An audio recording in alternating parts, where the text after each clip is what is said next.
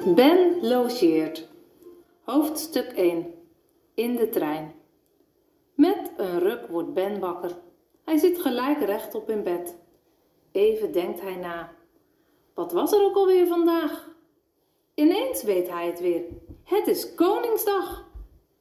Hij duwt zijn dekbed naar achteren en springt uit bed. Boem. Met een bons komt Ben op de grond terecht.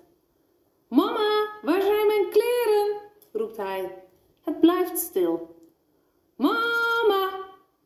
De traptreden kraken. De deurklink wordt naar beneden geduwd. Het is mama. Even rustig, Ben.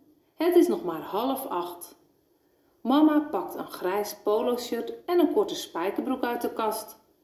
Trek deze maar aan, zegt mama, terwijl ze de kamer weer uitloopt. Ben kijkt naar zijn shirt. Hij ziet drie kleuren: rood, wit en blauw.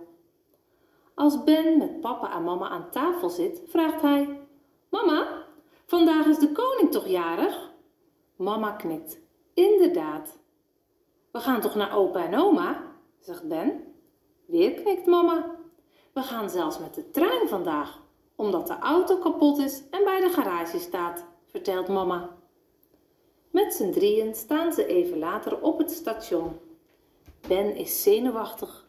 Hij is nog nooit met de trein mee geweest. Er staan nog meer mensen op het station. Die hebben allemaal een mondkapje op.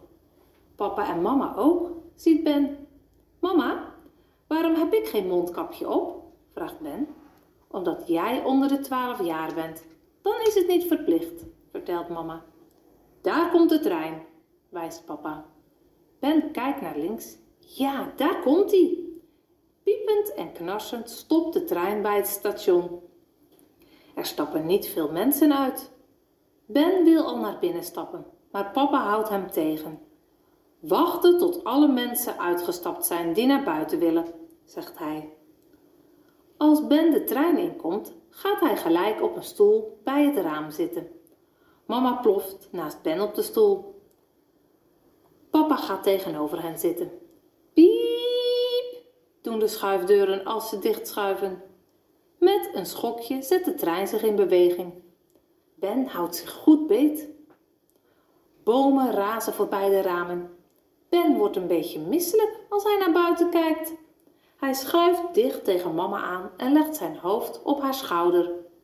Ben sluit zijn ogen. Zo, dat gaat beter. Zijn misselijkheid gaat langzaam weg. Mama, ik moet plassen, fluistert Ben zachtjes in mama's oor. Dan gaan we even naar de wc, reageert mama, terwijl ze een knipoogje naar papa geeft.